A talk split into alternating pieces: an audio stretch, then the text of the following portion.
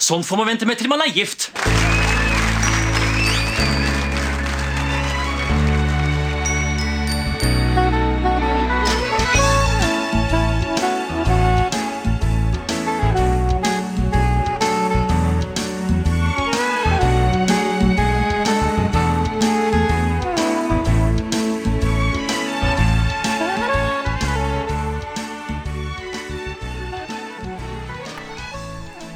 Hallo og velkommen til en ny episode av Norsk film filmpodkast. Podkasten hvor vi ser norsk film med et kritisk, men kjærlig blikk.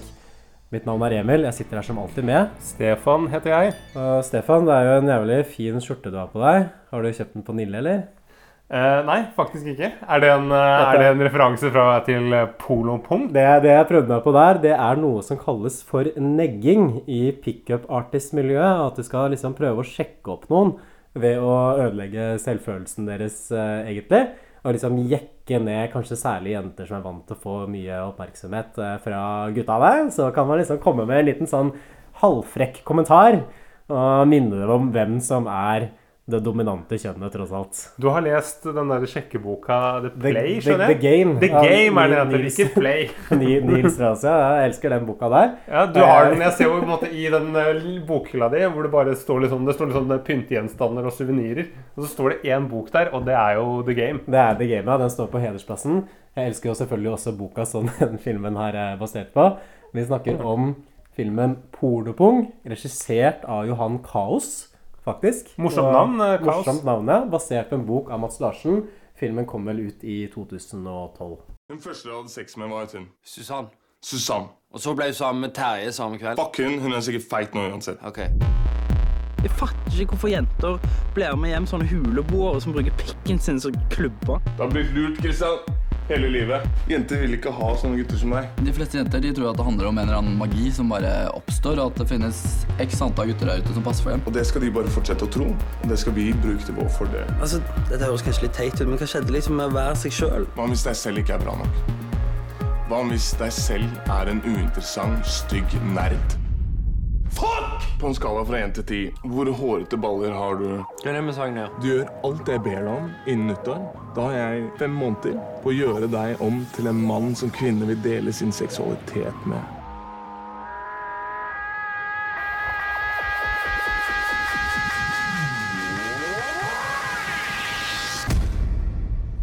Jeg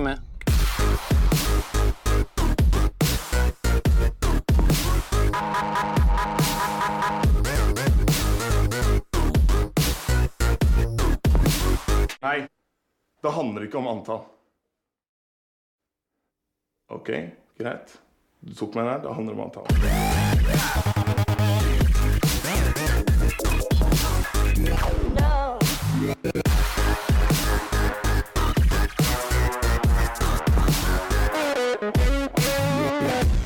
Vil du se på pikken min? Nei takk. Nei, seriøst, jeg elsker å vise deg pikken. Ja, jeg, skjønner, det. jeg vet at du elsker å vise meg Nå, du kan se pikken kommer min. den. Jeg kommer ikke til å se på den. Det var Ja, og um, denne filmen her, den er jo, det er jo en sjekkefilm, vil jeg si. Det er litt sånn, med litt sånn ungdommelig snitt, vil jeg si. Ja. Ja, fordi jeg husker jo egentlig at den derre pornopung-boka kom. Ja. Men, den, men den er jo ganske mye eldre enn filmen, for den kom vel sånn helt på starten av 2000-tallet? Gjorde den ikke det? Og det syns jeg faktisk de har greid ganske bra i den filmen der. Fordi det jeg reagerte på her, er at jeg, jeg syns alle kler seg som at de er på tidlig 2000-tall. Det syns jeg. Ja. ok, ja. Det er mye sånn der, liksom sånne, sånne korte topper, magetopper og liksom sånne hvite T-skjorter med rutete skjorter utenpå og sånn. Det er liksom Sånn som folk kler seg nå, da, med andre ord. Ja, de er jo tilbake igjen. Loopen har, på en måte, eh, det er jo liksom, loopen har vi gått tilbake igjen, og nå er vi der. Og denne, denne filmen, her møter vi jo en karakter Skal vi si noe mer om filmen, kanskje? Før vi setter i gang Um, Nei, det er kanskje ikke helt sånn der nødvendig. At, uh, vi kan jo kanskje gi litt sånn der kontekst for den.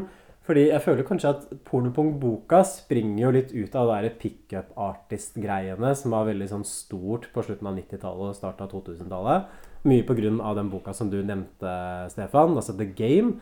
Som var liksom en bok som var skrevet som skulle være en sånn sjekkeguide for menn. da. Altså Sånn går det liksom fra å være en idiot som damene ikke har lyst til å ha noe med å gjøre, til å kunne få deg hvilken dame som helst. Og utseendet spiller ingen rolle, liksom dine egenskaper spiller ingen rolle. Alt handler om hvordan du liksom spiller dette spillet hvor man ser på det nesten som en sånn type business, egentlig. Hvor det bare handler om å legge ned så mange damer som mulig. da. Mm. Og mye av det er liksom basert på litt sånn derre halvmørkt, sånn sosial-darwinistisk tankegods, egentlig. Hvor det handler liksom om at det, man skiller liksom mellom alfahanner og betahanner. Det er noen som liksom er sånn naturlig sterke. Alt er liksom et sånt hierarki hvor det er noen som er på toppen, andre er på bunnen. Og måten du får dame på, er liksom å befeste at du er en sånn alfahann som egentlig kan herse med andre menn og med dem, da. Det er jo den der neggeteknikken som handler om å liksom demonstrere en sånn overlegenhet ved å bare liksom rakke ned på damene som du er interessert i.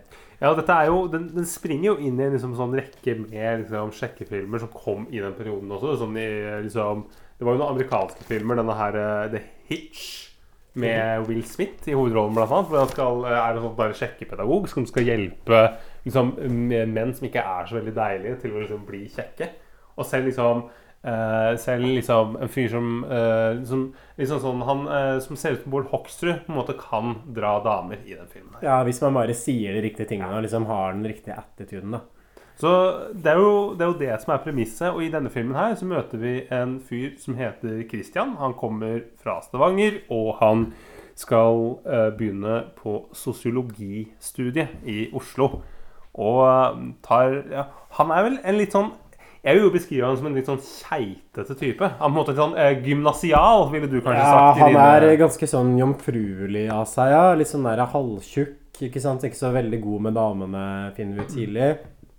Liksom litt nerd, rett og slett. Ja, og veldig utrolig klein. Og jeg vet ikke om det bare er skuespilleren eller liksom eh, og, Eller karakteren. Jeg tror nok det er meningen at karakteren skal være litt sånn, litt sånn, litt sånn veik. Men- og Og før vi, før vi setter i gang, så må jeg også bare si at jeg har aldri liksom Dette er den mest til nå i vår lange podcast, eller i vår lange podkasthistorie, så er det den filmen jeg syns har vært mest klein.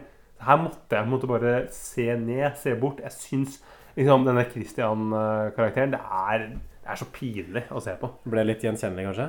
Ja. Uh, du og jeg, vi er jo uh, Vi, Vi kan ikke, kjenner ikke kjenne oss igjen i dette her overhodet, selvfølgelig. Nei. Det bare å ikke, ikke lykkes hos damene. Det har vi aldri, aldri, det har vi aldri opplevd i det hele tatt. Og jeg, bare jeg, jeg kjenner meg ikke igjen i denne Christian i det, i det hele tatt. Så tar bare avstand fra det her. Fra sånne veike typer, ja. Bare så det er altså, sagt. de, eh, de har ingenting på, på filmskjermen å gjøre. Jeg skjønner godt at ingen damer liker dem. Men i hvert fall da, det som setter i gang liksom plott i filmen, er at Christian skal flytte til Oslo, og da trenger han selvfølgelig et sted å bo. Og så blir han eh, Det er liksom funnet et kollektiv, og blir intervjua da over Skype av eh, den andre hovedpersonen i filmen, Carl.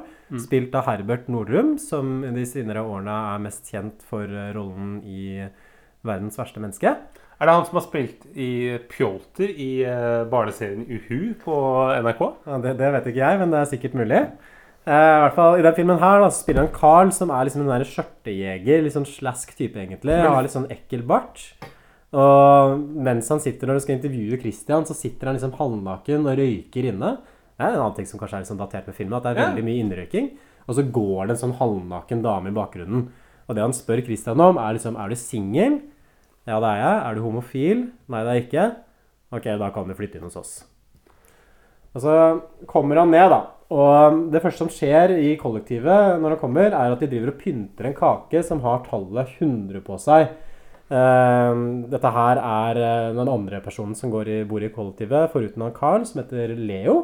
Og så går de inn på rommet til Carl eh, og går rett inn på en scene hvor han rett og slett får en sånn blowjob da, av en dame. Og den blowjobben viser de helt sånn der usimulert Eller jeg regner med at det er simulert. Jeg tror liksom ikke det er den egentlige penisen da, til han Herbert Nordrum som vi ser. Men det Det er viser stand-in, for å si det sånn. men, men det viser i hvert fall en penis liksom inni munnen på noen. Så det kanskje kommuniserer sånn helt med en gang at dette her er en drøy film, liksom. Her skal vi bryte noen eh, grenser.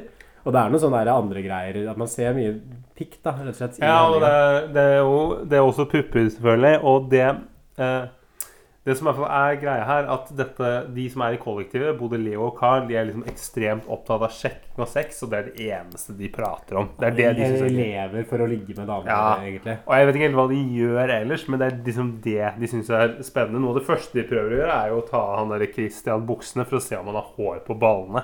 For det, det, det, her er også liksom det som er poenget med den hundrekaka. Fordi tallet 100 står for at Carl har hatt sex med 100 damer. Men Christian er jo litt sånn som deg, for han studerer jo også sosiologi. Og du er jo sosiolog, Emil. Jeg er sosiolog, ja. Kjenner du deg igjen i dette her? Eh, Nå er jo kanskje ikke sosiologiutdanninga akkurat hovedfokuset i filmen. Jeg kjenner meg ganske igjen i sånn på slutten av filmen, i hvert fall. Fordi da blir vel han eh, Christian omtalt som en sosionom. Og det er det jo noen andre jeg kjenner, som kanskje sitter her sammen med meg nå, som også liker å liksom dra den der kødden der. Men eh, Er du lei den vitsen, Emil? Nei, ikke i det hele tatt. Jeg syns det er like morsomt hver gang. Men, er- men det er jo kanskje litt sånn derre Fordi også The Game og Pornopung og liksom den liksom pickup artist-scenen er kanskje litt sånn sosiologisk eh, inspirert. Fordi sosiologien handler jo mye om liksom å studere sånn gruppedynamikk. Hva slags sosiale mønstre er det som, som fins? Som kanskje ikke folk nødvendigvis er helt klar over heller, men som er på som en sånn underbevisst, grunnleggende plan. Og sånn sett så kan man jo si liksom at en sosiolog kanskje har en sånn god forutsetning da, for å kunne analysere liksom sjekkekulturen og alt som utspiller seg der. Og Christian han, er- han går jo eh, I slutten her så går han jo også i sånne veldig eh, kule klær med sånn grå tversoversløyfe. Grå genser og sånn hvit eh, skjorte under der igjen. Og Det er vel sånn du og de andre sosiologene går kledd. Det er mye sløyfer, ja. Det blir det. Sånn tvers over sløyfer. Det er inn, det. er ikke det? Ja. Prøver litt sånn Sosionomene. Per, per, per Fugelli-stilen. Ja. Uh, Ja, du er jo en slags eh, Du er på en måte ja, Hva kan du si? Uh, Hamars svar på Per Fugli. Ja, nå rødmer jeg her, men det er ikke meg det skal handle om. Det handler jo om filmen. Dette, dette kollektivet da, kan jo kanskje liksom beskrive det litt mer. Det er ganske sånn rølpete kollektiv, egentlig. Står masse sånn flasker utover bordet. De har en sånn eh, arkademaskin som står liksom inne i hjørnet. Er det pinball, eller? Ja, noe, noe sånn, eller Pac-Man eller Tetris eller et eller annet sånt spill. Og så eh, De har sånn bilde av sånn Times Square på veggen. Sånn der Å, det er sånn kult. der Har de det der eh, bildet av de der arbeiderne som sitter på den der bjelken over New York òg? Nei, det, det tror jeg faktisk ikke. Jeg tror kanskje de har et bilde av London som er i svart-hvitt. Så, så er det bare liksom et rødt element, og det er en sånn London-buss. Det er alltid Det er jo sånn kunst du har eh, hjemme. Jeg er veldig, veldig glad i den effekten der. Uh, de har også en slags sånn ideologi i bånn, de gutta her, som er veldig tråd med den der pickup artist-ideologien. Altså Carl sier liksom til Christian tidlig da, sånn har du ikke lest Freud? Alle snakker om knulling, det er bare vi som er ærlige om det. Så det er liksom det første. Alt handler egentlig om sex. Alt kan reduseres til sex, bortsett fra sex, fordi sex det handler om makt. Så sex det er liksom måten du beviser din makt, som er din overlegenhet på. Og det andre premisset er at jentene liksom etter feminismen har liksom vunnet kjønnskampen. At jenter kan liksom få seg hvem de vil, fordi det er det mest attraktive kjønnet. Og derfor kan gutta liksom Da er er det legitimt for gutta å bruke hvilke som helst taktikker for å vinne damene. Fordi de stiller så svakt i utgangspunktet. Er du ikke enig? Ja? Det, er, det er liksom på en måte det som er grunnsynet deres. det da. er det, det, akkurat der zooma jeg litt ut, for det ble på en måte for avansert for meg i den uh, filmen her. Du hører bare Freud, og så kobler du Ja, av. det er sånn, jeg, Da går rullegardina ned. Gunnar Staalesen, det er min forfatter, det. Nei, altså, og det som, det som skjer her Vi følger jo denne Christian rundt omkring. Han er jo ikke helt komfortabel i det kollektivet her, vi følger han rundt på Blindern. Og Christian er jo på en måte Han er jo en han, liksom keitete, snill fyr. Og han møter jo noen som står ved printeren, som har problemer. Og det er ei som heter Myriam. Mylenia. Mylenia. Jeg tror det var Myriam. Men som i alle fall, han hjelper henne med å fikse printeren, og de blir venner. Og han blir invitert på en eller annen fest. Og så er det i gang, da, fordi du ser jo at Christian han har et godt øye til Myriam. Han er kanskje litt forelsket? Eller betatt? Han har et godt øye til henne, som er rett og slett forelska, ja. Så Ja. Det, det er liksom ene hovedlinja i filmen, er liksom øh, forholdet hans til henne. Og så har du også andre hovedlinja, hvor han Carl forsøker liksom å gjøre om Christian til å bli en sånn kvinnebedårer, da, sånn som han. At han liksom ser at her er det liksom sånn der jomfruelig nerd. Nå skal jeg se om jeg klarer å ta den personen der og gjøre ham liksom til en sånn sexgud, da. Som er det de ofte snakker om. Og det som eh, Først så sier jo Christian nei, men så sier han ja likevel. Fordi han kommer inn på rommet til Carl, og gjett hvem som ligger i senga til Carl. Jo, det er jo denne Myr... Milenia, ja. Mm. Og eh, dum som han er, og keitete som han er, så spør Christian om eh, Istedenfor bare å gå og liksom bare si ja, dette er ikke noe med å gjøre, så spør han Myrian om hun ha litt Er du sulten? Vil du ha litt kylling? Så er på en måte Han Han, Han er kan en- ikke dette, han greier ikke dette sosiale spillet her, liksom. Og det- det- Men da da skjønner han at Eller vi som seere, vi skjønner det at for at Christian han blir med på dette opplegget til Carl øh, med liksom at han skal bli en Don Juan Uh, Han blir med for at han skal kapre Myrian tilbake. Millennia. Millennia. For eh, det er for avansert for meg. Da. For det, det, det, han skjønner, kanskje da, hete Bjarne eller uh, Svein eller Per eller noe sånt. Vi kan jo si at du kan kalle henne for Miriam, da. Så Miriam.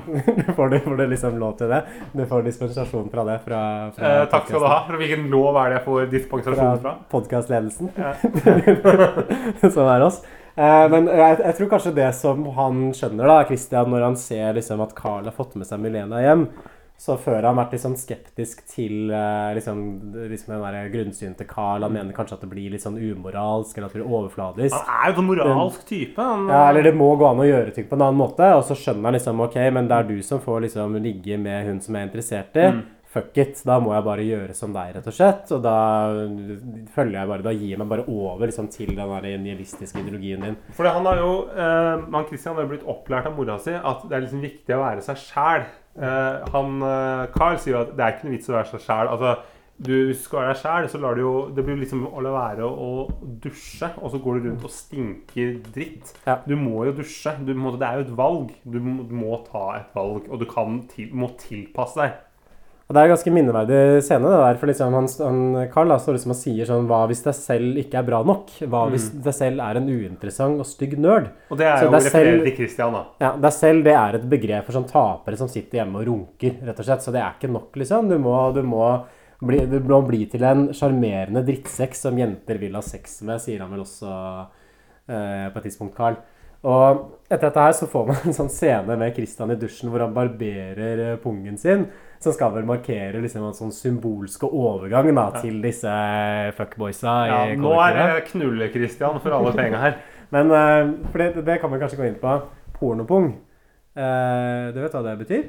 Det er vel en barbert pung? Fordi det har du pung, ja. For det har du Det har jeg hørt at det har du i pornofilmer. Jeg også har hørt, hørt om det, at det er sånn det er i pornofilmer. Um, jeg syns kanskje det var litt sånn slapt etablert, fordi filmen heter jo Pornopung. Uh, og så tar jo kanskje filmen bare for gitt at seeren skjønner hva pornopung er. Og at liksom det er en viktig greie å barbere pungen sin. da Men i og med at dette her er så- det, det, her- det, for det at han barberer pungen sin i dusjen, det er jo på en måte den viktigste sånn overgangsscenen i hele filmen. Jeg syns man burde ha liksom etablert det liksom tydeligere. Kanskje hatt en sånn scene med Carl. Ja, du må jo barbere pungen din. Du må ha pornopung. Det er det damene liker. Og så sier Christian nei, jeg tror ikke jeg skal Ja. det. Eller det, det- det hvis, jeg hadde, hvis, eh, hvis jeg hadde vært eh, regissør på den filmen, som jeg selvfølgelig hadde takket nei til, så hadde jeg jo uh, hadde jeg hatt en scene hvor disse gutta satt og så på en pornofilm. Og så hadde de liksom sagt Se, det er pornopung. Eller måtte bare gjort et eller annet Ja. Ja, du Litt sånn pedagogisk virkemiddel her. Ja. Sånn at måte, de som, eh, som ikke kjenner noen som har hørt om dette fenomenet, Som ikke kjenner noen som har hørt om hvordan det er på eller, pornofilmen. ja, eller eh, ikke har vært eh, borti denne filmsjangeren, som er på en måte mer glad, en, glad i western eller kanskje en skrekkfilm i ny og ne, at de kanskje også hadde skjønt dette her. Ja, eh, det går dere rett og veldig veldig fort fram i starten av filmen, egentlig. Liksom gjennom filmen som helhet. Filmen har veldig, veldig kjapp uh, pacing. Altså tempo på filmen. Eh, Jeg tenker alltid på sånn at det er sånn, har noe med liksom, sminke å gjøre. At du måtte, Pacing. Ja, pacing. Ja, nei, du kan tenke at du, du pacer noe. Du keep pace. Hva er pacet ditt? Det bruker man jo iblant når man snakker om løping, f.eks. Så snakker man hva hva er pace er, hva er tempo. Ah, ja. Så det, det kan jo se på en, en film da, som et maraton, ikke sant? så er det hva slags tempo er det man holder gjennom ulike etapper. Det blir på en måte Seks kilometer i timen, er det ikke det som er sånn snittfart på maraton? Men, men, men det som er kanskje viktigst her, er liksom etableringen av det der synet til disse gutta. Da. Altså Carl også sier liksom i en litt sånn dårlig replikk, syns jeg Vi er den laveste klassen, men vi gjør opprør. Os Oslo og omegn pulekaste. Det, det, det er kanskje litt sånn beskrivende for sånn replikk, replikkskrivinga i filmen, som ofte er veldig sånn krampaktig og cringe, syns jeg. Men, men det er også sånn interessant fordi det avslører noe kanskje til synet på de gutta om seg sjøl. Fordi antydningen er jo at dette her egentlig er folk som har veldig dårlig selvtillit. Og det er derfor de føler at de må gå inn i den der Casanova-rollen. Og egentlig lage en helt sånn ny identitet ved seg sjøl. Og liksom begynne å designe strategier. Sånn snakker du med folk, sånn snakker du med jenter. Dette sier du, dette sier du ikke, sånn kler du deg. Dette er jo folk som egentlig har ganske dårlig selvtillit. Ja, så har de jo ikke noe Vi blir jo ikke kjent med Vi, blir jo ikke kjent med personene liksom bak. Hva er, det de, hva er det de gjør når de ikke henger i den leiligheten her? Hva, hvilke interesser har de? Det er liksom Det er jo ingenting. Det er jo på en måte helt sånne blanke ark som bare liksom har det på en måte, De tilnærmer seg jo uh, sjekking og liksom sosial omgang som at det skulle liksom vært eh, det å liksom å lære seg liksom Excel eller Word. Ja, som skal ha vært en vitenskap, Ja, nesten. det er på en måte, det er, det er på, som- en, De følger en bruksanvisning. Og da er det også Og hvor- dere ungdommer som ikke vet hva bruksanvisning er, så er det på en måte noe som står på papir. Man fikk, ofte får med elektroniske apparater og duppeditter. Man får bruksanvisning som PDF-er og setter ungdommer Man gjør det. Men uh, da er også en scene hvor uh, Carl lærer liksom Christian opp i kroppsspråk. Hvordan ta på folk med naturlig nærhet. Hvordan stå nærme, men ikke for nærme. Hvordan analyserer man folka som er på et hvert sted? Hvordan vurderer man utseendet? Hvordan åpner man kontakt? Det er en sånn veldig sånn klein scene hvor Christian oppfører seg som en sånn skikkelig creep, og så spanderer en drink på en dame på byen. Og da kommer liksom eh, kompisen fra den andre fra kollektivet, ler og korrigerer han med en gang. Nå har du gitt den dama der en drink, og du har gitt henne masse gratis oppmerksomhet. Du må aldri gi damene noe. ikke sant? Det er de som skal gi ting til deg. De skal gi deg en drink, mm. min venn. Så alt handler bare om å liksom etablere den der overlegenheten. da. Tresekundersregelen. Hvis du ser noen du har lyst til å snakke med, skal du ha sagt første ord innen tre sekunder. Hva skal jeg si, da? Det handler ikke om hva du sier, det handler om hvordan.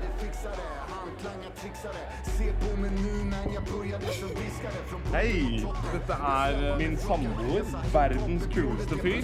Hei, Tove. Tove her er sykepleier, men hun er livredd for sprøyter. Kult! Hvor, hvorfor er du så redd for sprøyter? Jeg tror jeg, jeg ble sikkert bare skremt da jeg var liten eller noe sånt. Vi er ikke samboere, altså. Hvem da? Meg og, meg og Carl. Altså, vi, vi, vi bor sammen. Eh, I kollektiv. Altså, jeg flytta inn fra Stavanger. Du har veldig fine øyne. Tusen takk. Jeg er egentlig litt tørst, jeg. Hva vil du ha? Strawberry daiquiri. En uh, strawberry daiquiri. Du, jeg lurte på Kunne jeg fått telefonnummeret ditt? Jeg vet ikke helt det. Hva da, Har du type? Nei. Nei? Ok. Kom igjen.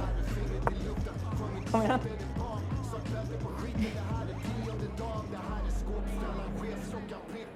Men ehm, jeg skal egentlig opp tidlig på jobb i morgen, så jeg burde kanskje tenke på å stikke.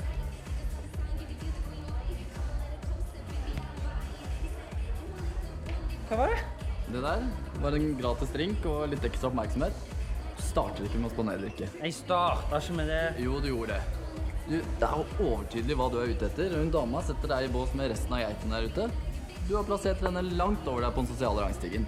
Det er hun som skal spandere på deg. Og, ehm, og det kommer jo også en scene her som er litt sånn uh, spesiell, fordi ehm, han ehm, godeste Christian blir jo avvist på byen her. Det er en fyr som bare tar med seg dama som han står og prater med, og bare bærer henne vekk. Og da sier jo han der Carl at 'gå bort og kyss hun dama'. Og kyss henne midt på munnen. Og Christian gjør jo det, og blir jo regelrett banka av en eller annen fyr, som vi finner ut at han, han er jo en sånn ordentlig Casanova. Han er jo på en måte eh, kjent i hele Oslo, for han heter jo Hva er det heter? Straff- Strafferen, kaller Strafferen, han det. Ja. Og det det handler liksom i bråk, og så viser det liksom at Carl kjenner han strafferen, og da går det liksom greit. Og så dama forsvinner helt sånn ut av scenen, egentlig. Jeg vet ikke hvor hun blir, da. Ja, men det er, det er litt sånn typisk for filmen, kanskje hvordan filmen forholder seg til de damene også. Mm. Fordi de damene er jo ingen av dem som har noe Er veldig objekter, ja. Det, det speiler jo på en måte litt hvordan de gutta ser på jenter også. Men det blir også litt sånn filmens blikk. fordi det som er interessant her, er alltid liksom psykologien til karakterene. Mm. Altså hva som foregår inni hodene på liksom disse mennene. Og de damene som de liksom misbruker egentlig da, i løpet av filmen. det er liksom helt uinteressant for filmen å utforske det hele tatt. Hvordan de oppfatter disse situasjonene, hva de får ut av det. Alle disse kvinnekarakterene er jo, altså, de er jo kliss like. De er søte og liksom pene, og de smiler veldig mye og ler av det de Ja, mennene sier. og dumme og lettlurte Ja, også. veldig lette, lette, lett, og lett, liksom lett på kroken. Det er liksom det er ikke noe eh, trenger liksom ikke det største agnet for å dra dem i land. Ja, for det er jo litt sånn med den der pickup-artist-greia også, at det ligger en veldig sånn derre pickup-artist-greia. Liksom med den derre sjekke, sjekkeskoletankegangen. At det ligger jo litt sånn der iboende forakt også. Dere damer, dere er så jævlig dumme, liksom. Mm. Så bare hvis jeg liksom leser en eller annen linje i en bok, og så sier den til deg, da kan jeg ligge med deg to timer senere. For så idioter er dere at dere skjønner, det liksom, dere skjønner ikke dette spillet som jeg driver og spiller. Mens vi, vi gutta, vi har skjønt det her. Vi i den der eh, Oslo knulleklubb, vi har skjønt det her. Så det, så det er en litt sånn iboende sånn forakt da, ikke sant, som ligger i det, og som jeg syns at filmen egentlig bare gjenskaper nokså sånn ukritisk, Mm. egentlig, i, i sitt blikk, da, sin forståelse av verden. Um, det, får en sånn dubstep-scene hvor de spiller liksom flasketuten peker på. Her er det mye sånn blotting av pupper. De driver og kliner, bånder shots og tar og liksom slikker av brystvorter. Uh, Christian får med seg en dame i senga, men hun har ikke lyst til å ligge med han, dessverre. Hun vil ikke det akkurat nå. Nei, Så han får, jo ikke, han får jo ikke det han vil ha. Og det det, er jo, det er jo det som er en sånn gjennomgående greie. Christian liksom mislykkes. Han får ikke det han vil ha. Og eh, her kommer også en av de beste scenene i filmen. For de skal ha en, de skal ha en fest. De skal invitere til en sånn stor sånn orgie, nesten en fest. Og da, liksom, da sier han derre Carl Vi ringer alle damene. Vi Ring damene fra Oslo, Drammen, Bærum Nei, faen. Ikke, i, dra, ikke ring Drammen. Ikke, nei, vi har ikke ha fra Drammen i det hele tatt. Det, det var litt sånn uh, Det var artig, ja. det, var litt sånn, det, det var kanskje snev av humor i filmen. Det her. er jo sånn som vi liker nå, nå som vi bor i Oslo begge to, selvfølgelig. Er jo For- gjøre, narr av folk som ikke bor i Oslo. Ja, Det forakt for alle som bor i Drammen. Altså, Christian får en sånn der samvittighetskrise også. Ikke sant? Han sier sånn Jeg fatter ikke hvorfor blir jenter med huleboere som bruker pikken sin som klubber? Og da kommer liksom kar sånn Du er jo sosiolog. Du kan jo finne ut av det, du som liksom er akademiker. Og det er en veldig morsom scene hvor Christian går på biblioteket på Blindern, og så søker han liksom på likestilling i Norge. Hæ?! på, på Google. og så leser han altså et sånt bokkapittel, og så viser liksom filmen tittelen på det bokkapitlet. 'Women and Men in Feminist Thoughts'. Her går han åpenbart grundig til verks, rett i dybden en gang. For det er jo interessant, for du er jo, eh, du er jo forsker, Emil. Når du eh, skal sette deg i et nytt tema, så søker du Du søker alltid på Google for å finne de beste forskningsartiklene. Er det Det, det? det starter på Google, og det slutter gjerne der også. Ja. og uh, Christian kommer liksom inn på at han skal skrive en bacheloroppgave som heter så mye som 'Pisk på pornopung'. Kjønnsmarkedets maktforhold og rollefordeling i dagens postfeministiske samfunn. Og Det er liksom en sånn scene her hvor han sitter liksom og greier ut av hva dette skal handle om. At det handler om hvordan det er å leve i Norge i 2013 hvis du har penis. For det er veldig Men- fælt. Ja, menn er overrepresentert blant selvmordsstatistikken. Vi er mer utsatt for drukningsulykker, fyll, depresjoner og dårlig på skolen. Så det er en sånn men's right activism-greie her. Vi hører jo liksom eh, bare liksom de incel-mennene med blottefrakk som ligger og lusker i buskene der, liksom. Det er eh, Dette er mat for, for incel-menn. Mm. Så det er det, det, det, sånn incel-miljøet og liksom dette her og liksom Manusfæren og sånn springer litt ut av det pickup artist-greien Mm. også. At incel-miljøet er på en måte radikaliseringen av det sjekkemiljøet, føler jeg. De som har fulgt alle, som har kjøpt alle bøkene, måte som har dem, eh, har dem i bokhylla, men likevel Ikke går det til, Det. ja. Hvorfor? Jo, Mm. fordi kvinner vil ha kjekke menn, og det er bare det det handler om. Ja. Dette her blir jo Jeg vet ikke om vi trenger å gå så nøye gjennom liksom handlingen. For dette er liksom det, det bare går liksom fra sånn fest til fest, og Christian forsøker liksom å, å, å tilnærme seg sjekkeferdigheten til Carl. Eh, hva syns du om eh, Herbert Nordrum, egentlig, rollen som Carl i den filmen der? Hvordan syns du han gjorde det? Eh, jeg syns jo det definitivt er den skarpeste rolleprestasjonen her. Mm. Den, den karakteren kjøper jeg. Han, han, han greier å få fram dette er liksom sånn Både litt sårbare, men også Ja. det der at han er, er sånn En sånn ja, litt sånn ekkel fyr, og på en måte bare Han Ja, som bare som er en kåtsekk, og så måtte han spille en slags rolle. Jeg synes, altså, han, det, det er høydepunktet med filmen. Ja, jeg er enig at han er det beste med filmen med ganske god margin, egentlig. At, at jeg også synes at jeg, jeg får litt sånn sansen for ham, for at det virker som han går veldig inn i rollen. Ja. At han liksom det, ligger liksom mye på spill for han, føler jeg. Liksom, at han er opptatt liksom av å gjøre en god rolleprestasjon. Og jeg kjøper også rolletolkninga hans som en sånn fyr. Og det er, det er som du sier også, for han klarer liksom å få frem så mye. For at han er både slask, men samtidig så er han også liksom sånn uskyldig oppi det. Mm. Ikke sant? Han er både usympatisk, men også litt sånn sympatisk I samtidig. bunnen så virker Ja. som en helt grei fyr. Mm. Som bare litt, sånn, litt stakkarslig type som bare ikke egentlig har, kan noe, og som bare har som gått litt for mye opp i det her. Og du, du, du, du ser jo også sjarmen hans, så du, du kjøper jo liksom Ja. dette her, at dette er en Casanova som damene liker. ikke sant? Uh, en ting som Jeg, jeg syns kanskje at han Nordrum i den filmen her er bedre med ansiktet sitt enn med stemmen. For det er mye sånn der at han liksom snøvler litt og som hopper over ord. Jeg vet ikke om du la merke til det sånn replikkleveringa der. Ja. sånn dårlig diksjon. Ja, han gjør det. Han gjør det ofte. Det, men det er jo et typisk problem med dagens skuespillere at de har ikke noe diksjontrening. De trener jo ikke diksjon på Teaterhøgskolen lenger. Men jeg tenker Da må vi tilbake til liksom de gamle gutta som, hvor du måtte snakke reint for å komme inn på Teaterhøgskolen. Det er ikke sånn i gamle dager da, du lærte diksjon på teatret! Nå høres du ut som Per Aabel, by the way. Han skulle snakke så folka på bakerste rad også fikk med seg hva han sa. Og det hadde ikke han her eh, greid. Han ikke greid Det er, det er, liksom, det er knapt nok liksom, at han hadde fått opp eh, stemmen sin til å være på black box. Så sånn veldig skarpt er det ikke. Men det er mye, det er mye sex, drugs og ikke rock'n'roll kanskje, men, Men- sånn dubstep eh, her. Og det er litt sånn Eller R&B. og R&B, ja. Og det er litt sånn uklart for meg gjennomgående sånn Er filmen liksom en kritikk av det livet her, eller er det en forherligelse av den sjekkekulturen? Sånn, hva, hva, ten, hva tenker du, liksom? Fordi den er jo veldig opptatt av å liksom bruke disse slow motion-elementene. Digge damer, pupper, Mm, liksom kokain, mye- champagne. Det framstår som veldig glamorøst, da.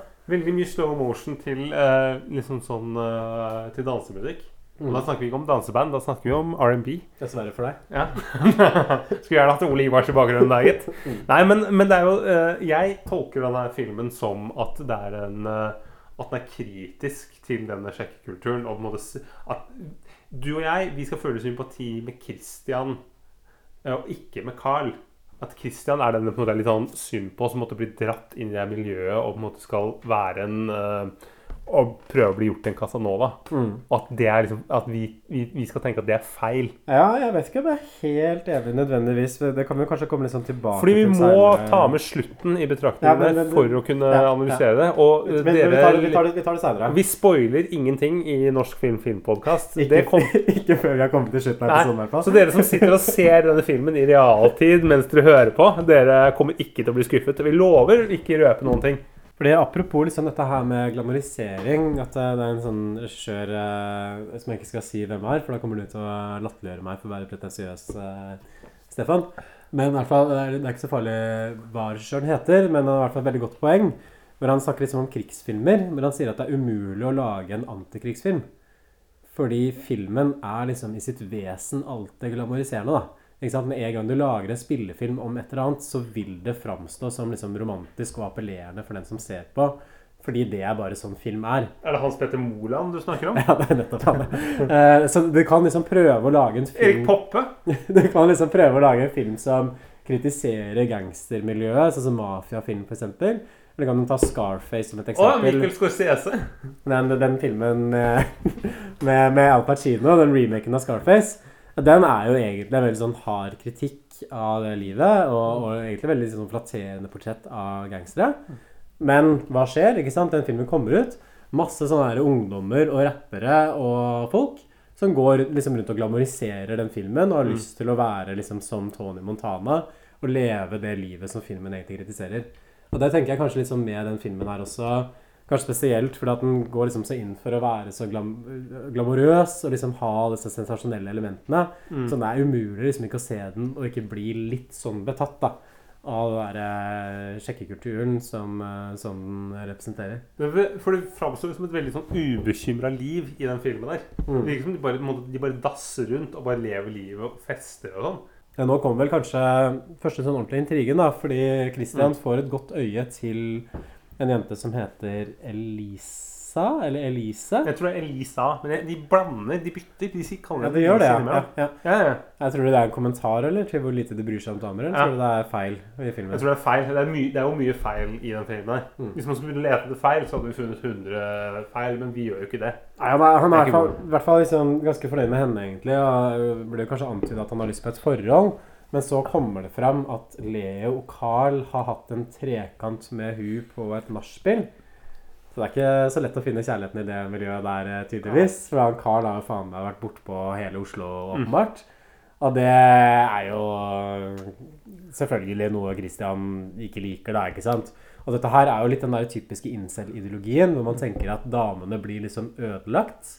Mm. Og så kommer de liksom til mennene når de skal få et fast forhold. Da har de allerede pult masse rundt og hora seg ut. Og nå leter de bare etter en sånn trygg taper som egentlig bare kan sikre dem i alderdommen. etter Ja, som og så kan de sitte og liksom liksom. kan si senkveld sammen med og, Og spise, taco med. ja, ja, ja. Og han, øhm, han Christer blir jo utrolig provosert og liksom lager en sånn derre sånn, blir sånn, sånn, litt sånn derre føler seg litt sånn satt til siden her, og, og liksom Og blir jo, blir jo ordentlig provosert på Elise. Og det, men det blir jo en sånn Ikke en krangel engang. Han bare sitter og liksom og negger og er på en måte føler seg som en sånn taper og sier det direkte til henne. Ja, og ender jo bare med at hun går. sjalu, ja, konfronterer henne med det. Og da tenker jeg jo altså, igjen at, dette, er- at han er en taper. Denne, Altså, faen for en tafatt uh, figur. Altså. Skal du være med på leken, så må du nesten Ja, tåle streken. altså. herregud. Han, han, skal måte, han skal gå rundt og, liksom, eh, og knulle rundt, men det at dama gjør det, det er åpenbart ikke greit for han.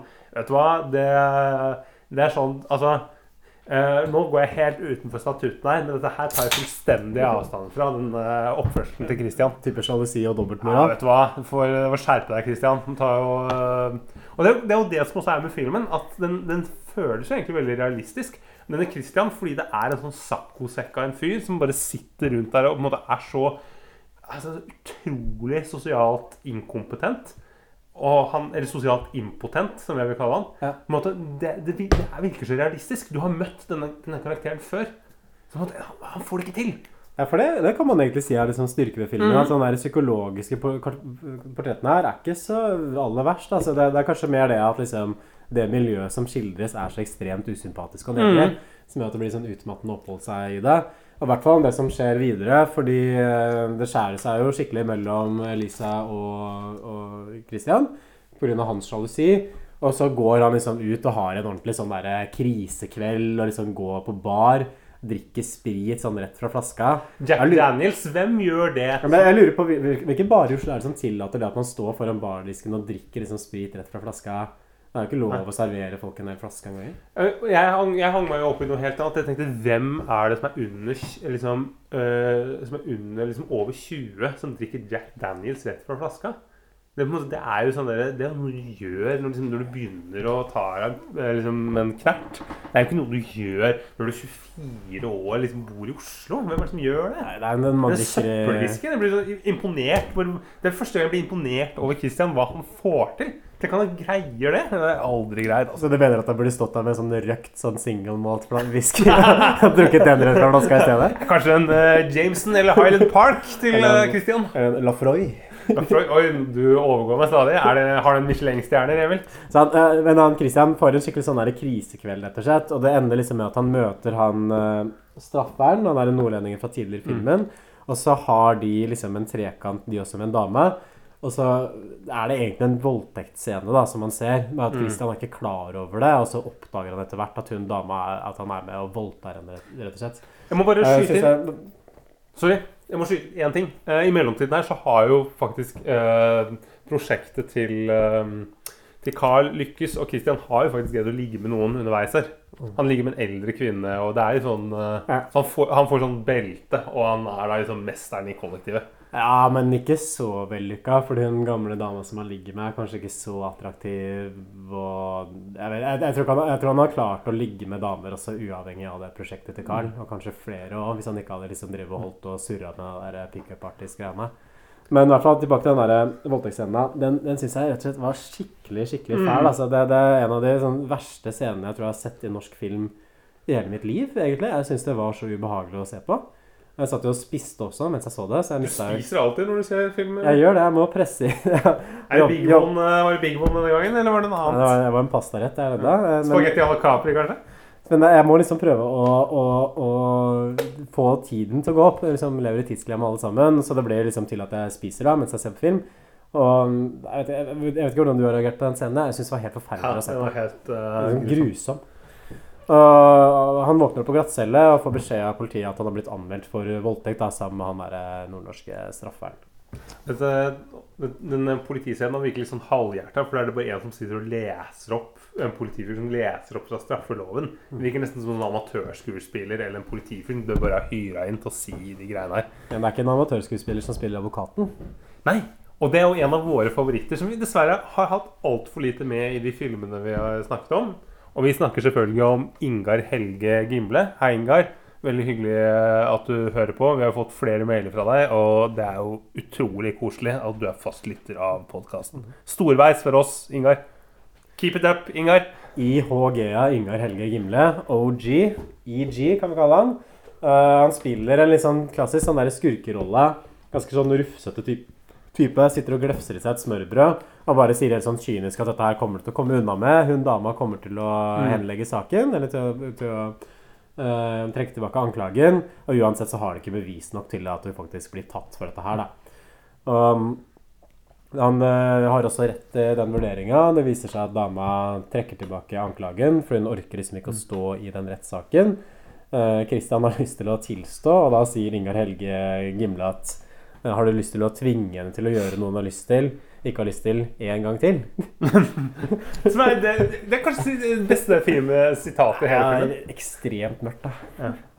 Men, men, men det er også et problem her at det, det framstilles jo Nå får jo på en måte jeg som eh, ser følelse at, at Christian er et slags sånn offer. At det er synd på han. Men det er jo ikke synd på han. Det er jo på en måte synd på den han har voldtatt. Ja, det jeg får ikke noe sympati for den fyren her. Nei, det, det framstilles nesten som om han er offeret. Ja, igjen Ja. så er jo filmen helt sånn uinteressert liksom, å følge opp hun dama, liksom gi noe plass til henne. Man kunne jo skrevet inn en scene kanskje hvor hun hadde vært med, liksom vist henne igjen, men det og man ser jo nesten ikke ansiktet hennes heller mens det foregår. Så det er liksom Poenget er at han skal bare voldta en eller annen. Mm. Men hvem han voldtar, og hennes liksom personlighet, og hennes sånn spesifikt som individ, det er ikke så farlig. Ikke sant? Det kan være hvem som helst. det er mer, poenget er mer bare at vi som seere skal tenke at å, stakkars Christian, han sliter virkelig med det her. Sånn, det blir vanskelig for han. Og det blir det jo etter hvert òg. Jeg følger han han feirer jul i Stavanger, og det er på en måte, han har det jævlig med seg selv. Blir nedstemt, ja. Ja, Utrolig nedstemt av dette her. Og fysj, så fælt uh, Christian har hatt det. Og så har de en nyttårsfest hjemme i kollektivet, hvor Christian liksom først bare sitter på rommet, har ikke lyst til å være med, egentlig. Kommer en venninne av Carl. Jeg trodde først det var søsteren hans. jeg. En som Ja. heter Maja, men det er vel en sånn barndomsvenninne som bare brått blir introdusert sånn på slutten av filmen. Mm. Så det er litt, litt sånn dårlig fortellerteknisk håndverk. da, hun, For hun er en veldig viktig karakter i filmen, men hun bare kommer helt sånn plutselig inn. Det er dårlig hånd, Mm. håndverk, synes jeg.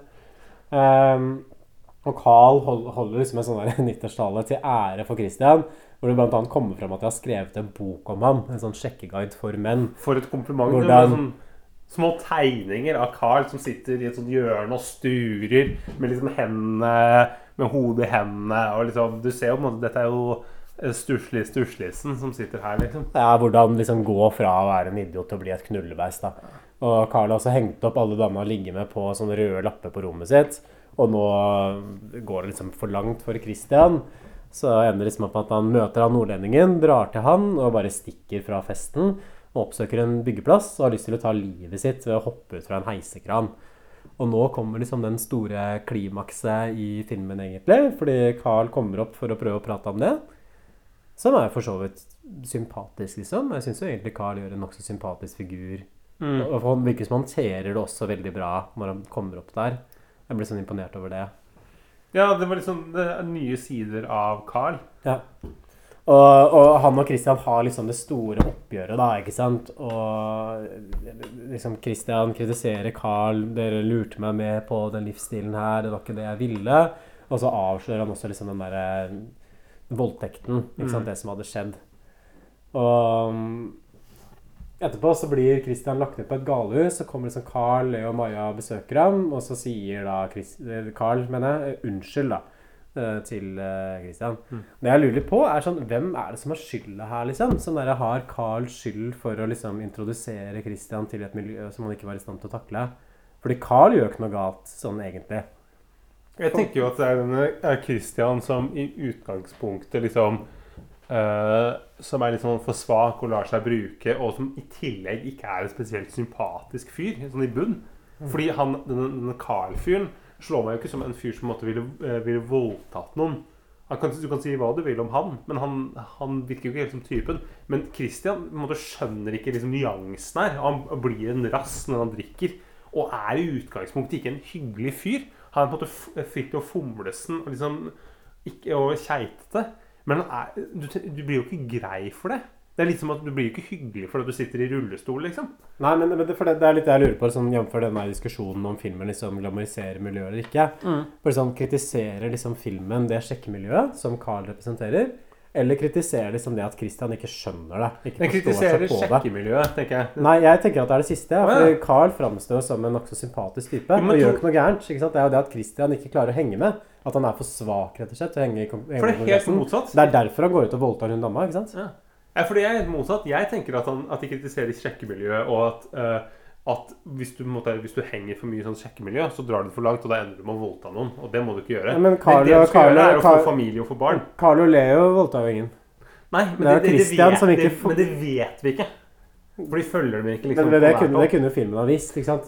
Det, man ser aldri faktisk en scene liksom, hvor Carl oppfører seg som direkte dårlig mot en dame. Hvis du tenker at det, det de tenker er, Eller det filmen sier, er at denne Christian At han Det er hans feil. Ja, men, men hør da, ikke sant? Fordi nå, nå Mm. kommer liksom en sånn epilog, og det som skjer er at Carl sier at han ikke kommer til å gi ut den boka likevel, og så Ja. gir han minnepinnen av boka, den eneste kopien, til Christian. Ja. Og så får man sånn weird of the now-greie på slutten av filmen, hvor det viser seg at Carl har blitt gift med hun Maja, Mm. og fått to døtre, mens Christian har gitt ut den der boka, og så nå sitter han liksom på senkveld og har blitt en sånn der nasjonal stjerne. Thomas Nume sier sånn En kjent sosionom som kommer hit til oss. Ja, det er en sosiolog-sosionom-greia. Og dette tror, jeg er, dette tror jeg er Det er feil fra filmskapernes side. Det tror jeg ikke er meningen. Nei. Jeg tror de er blanda. Jeg tror ikke filmskaper Hva faen han het uh, Han, øh, han med det rare navnet. Johan Kaos. Jeg tror ikke Johan herr Kaos uh, vet liksom forskjellene på sosionom og sosiolog. Ja, men, men ikke sant? Men han, men han uansett da, Christian gir Ja. ut den boka om sjekkemarkedet, og nå sitter han liksom på senkveld og har blitt kjendis, og så går han ut, og så treffer han hun Milenia på gata, Ja. og da er det liksom en sånn scene hvor Christian liksom tilgir henne, ikke sant? Hun ber om unnskyldning, håper ikke jeg var kjip mot deg, selv om hun har jo ikke gjort noe som helst galt mot han, og han, han liksom... For de har jo aldri vært sammen. De har aldri hatt en Nei, hun har ikke noen forpliktelser til han, og, og han liksom tilgir henne, og så begynner hun å løpe etter ham, for nå har han plutselig blitt attraktiv i hennes øyne. Fordi han har fått sånn, ja, hev, eh, hevn, status. hevn er søt, liksom. Nå er det han som er kongen, og Mm. hun er bare en dritt. Litt sånn som de incel-folka som, som sier at ja, det der med jobb og status har så mye å si. Ja, men, men så, så filmen ender jo på en måte litt opp med å hylle den der sjekkekulturen likevel, da. Mm. Ikke sant? Fordi det er jo sånn til slutt han Christian får status, og får den dama han har lyst på. Og det fremstiller jo filmen som en veldig positiv ting. Men jeg tror ikke filmskaperen har ment det sånn. Jeg tror filmskaperen mener at uh, sjekkekulturen er feil, og at uh, Christian, det er liksom synd på Christian. For han offer og på en måte, Han måte dro det så langt. Han måte ble så inni dette her at han begikk en voldtekt. Ja, men, men det er jo sånn som eh, Mark sa, sånn, de veit ikke hva de gjør, men de gjør det likevel. Sånn er det, hva, hva filmskaperen tenker, det er én ting. Men jeg, jeg føler at filmen, liksom, filmens beskjed er jo helt klart å glamorisere den sjekkekulturen. Og den trivialiserer jo også veldig det som har kommet før. Ikke sant? Sånn der, greit nok, Jeg gikk kanskje litt for langt på at jeg voldtok kun dama, men jeg kan fortsatt sitte her på sen kveld og liksom promotere boka mi. Jeg lurer veldig på hva som kommer fram i den boka også. fordi han på senkveld så framstår han som en sånn angrende synder. Jeg følte behov for å be om unnskyldning for folk hadde såra. Jeg, jeg vet ikke om han liksom nevnte den voldtekten i bokmanuset, eller? Han har kanskje ikke, han kanskje ikke blitt, nei, han kanskje ikke blitt invitert med på sen, senkveld eh, hvis han hadde gjort det. Så det, så det, det. Sosionomen eh, Christian han begikk en voldtekt, og nå har han skrevet en bok! Nå har han blitt en ny og bedre mann, ja. Så, så, så den slutten der, den trivialiserer jo liksom alt det som har kommet før. Og det, det Mm. poenget med den voldtekten blir liksom at da lærte liksom Christian en lekse. ikke sant? For det da gikk han Da ble han langt. bedre menneske. Ja, han ble en bedre menneske ut av det. Ja. Han skjønte liksom sine egne grenser. Og det måtte liksom voldtekt til da, for at det skulle skje, men det, det er liksom ikke så farlig, da. Ja, fordi, men jeg tolker det mer som at, uh, at han har blitt et bedre menneske, men at grunnen til at han har blitt det, er fordi han ble hjernevaska i dette her eh, liksom, sjekkemiljøet. Mm. Og at på en måte, Christian er egentlig en veldig sånn, sympatisk og hyggelig fyr som at ikke kunne noe for dette her, som bare ble dratt inn. Og vi skal få mye sympati for han, for at han, har ikke hatt det så lett. Han kom fra lille Stavanger til storbyen Oslo, så møtte han det sjekkekollektivet. Og han hadde ikke helt styr på det. Men hva, hva er det som blir liksom moralen i filmen da? Ikke sant? Det kommer inn en fyr, kommer inn i et sjekkemiljø. Funker ikke så bra for han, ender opp med å voldta noen. Men han kan gi ut en bok, og så får han status som en sånn alfahann, og Mm. damene vil ha han likevel. Slutt. Det er jo liksom det sjekkemiljøet egentlig vært en bra ting for ham, da, hvis man ser bort fra den voldtekten. Ja, det er jo, det er jo faktisk et poeng. Mm. Men um, jeg, jeg tror likevel at moralen er bare at uh, du og jeg, vi skal holde med denne Christian. Vi, vi skal synes han er sympatisk. Så at han lykkes til slutt, det er veldig hyggelig. Og denne Carl og de andre de er tross alt ikke så ille. De var bare, liksom, de var bare litt sprelskede. de var. Bare dro det litt- dro litt langt Ja, nå har de jo blitt seriøse og fått barn og familie, og det går så fint at det, det ordner seg til slutt. Nå har de blitt etablert og forlovet og allting, så nå gjør de de riktige tingene. Ja, det er veldig sånn merkelig også, i hvert fall hvis man tenker liksom over at dette er, det det er basert på en bok som Pornopung, og som Mats Larsen også sjøl har skrevet en sånn sjekkebok, tror jeg, som en oppfølger til Pornopung. Og liksom vært åpen om at denne filmen er liksom, eller boka er liksom basert på hans liv. Mm. Så hvis man også ser det som en slags sånn selvbiografisk øvelse, nesten, hvor Christian på en måte er forfatteren selv, Mm. så blir det jo veldig suspekt. Det er liksom det som ligger bak.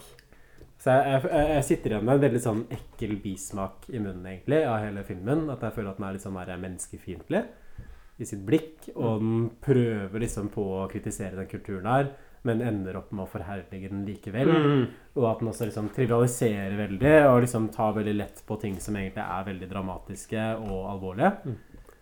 Jeg er Altså, litt som at de kvinnekarakterene blir brukt som et objekt. At, måte, og, det, og virkelig også. Helt, helt sånn øh, Og altså veld, Veldig merkelig med tanke på når den er gitt ut også. At det er en film fra liksom Altså den er ti år tilbake. Mm. Og den virker så gammel.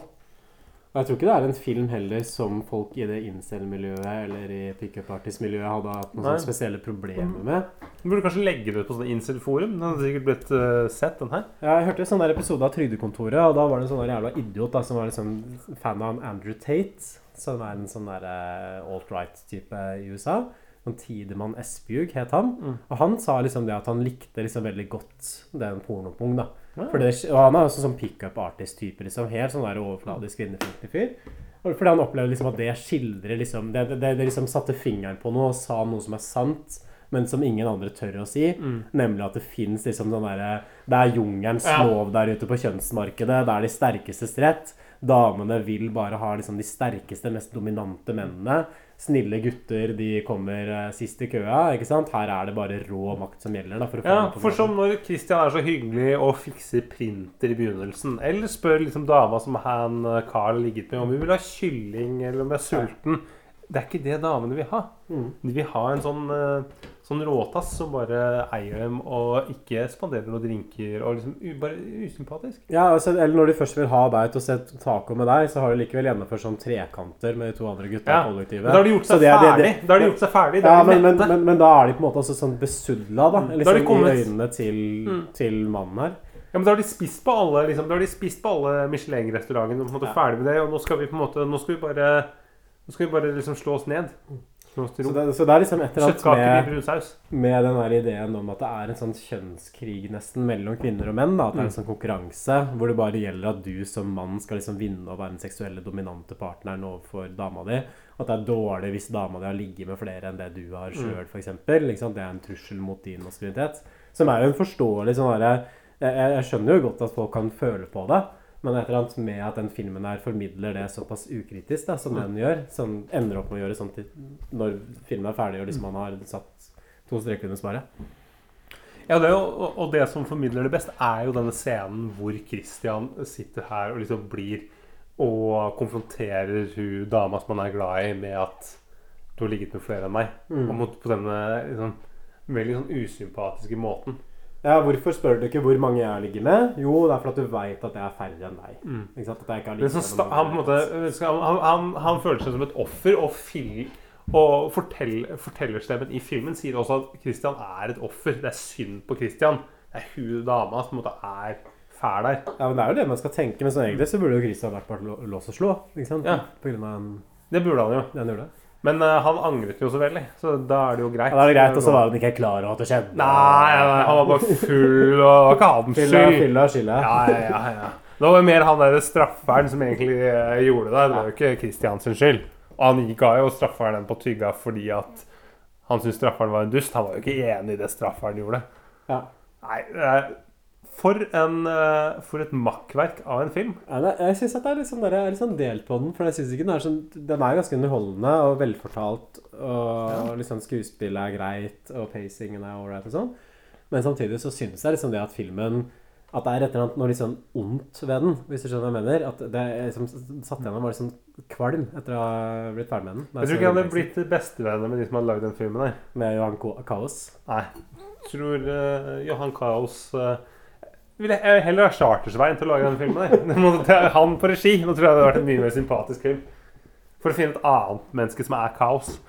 Nei, men kan vi ikke bare Jeg vet ikke, jeg er, eh, tenker at vi kjører rett på terningkast, jeg. Ja, jeg er tom, ja. Hva har, du, eh, hva har du å si, Emil? Det må jo nesten bli en ener, da, av prinsipp. Ja. Uh, jeg, vet du hva, jeg klikker til med to toer. jeg. Toer? Ja. Ja. Jeg, jeg syns jo det er eh, Det er tross alt eh, Det er, det er noe her. Jeg er veldig med på det. Jeg, jeg, jeg, har jeg lyst til å gi filmen terningkast én, bare for at jeg, så, at jeg syns den er så ekkel. Men samtidig så Den er ikke issatt dårlig, liksom. At den har liksom filmatisk bra ved seg, tross alt. Nei, jeg den er ukritisk. Ikke noe terningkast fra meg. Jeg synes jeg Og du gir ikke terningkast av bare prinsipp? Nei, jeg, jeg tror kanskje det. Du, du forbeholder deg retten til å ikke gi terningkast? Ja, akkurat her. Jeg syns det er vanskelig. At den, den, den, den, ja. Man må jo mene noe, Emil. Ja, men det, det, er, det er meningen min. Ingen terningkast. Denne filmen her er utenfor skala. Du mener ingenting. Ja, Denne filmen her burde blitt dømt. Den fortjener en dom, ikke terningkast. Fire år i, uh, i eh, spjeldet for voldtekt, kanskje? Voldtekt er min sjel, i hvert fall. Fire år i reprise på NRK2 for natt til onsdag. NRK3, er det ikke det? Nei, ha det bra. Ha det. I like pussy. Pussy's got me crazy. Well shaped, light skinned, clean lady. Slap me on the rubber, my brother. and dive straight for the covers. One leg down, one leg up. That's the way I like the fuck. How you did them guts. And I'm done once I bust me a nut. You can even suck it, baby. Big suckers just drive me crazy. Oh yeah, suck it fast. Now wet your tongue and it across my ass.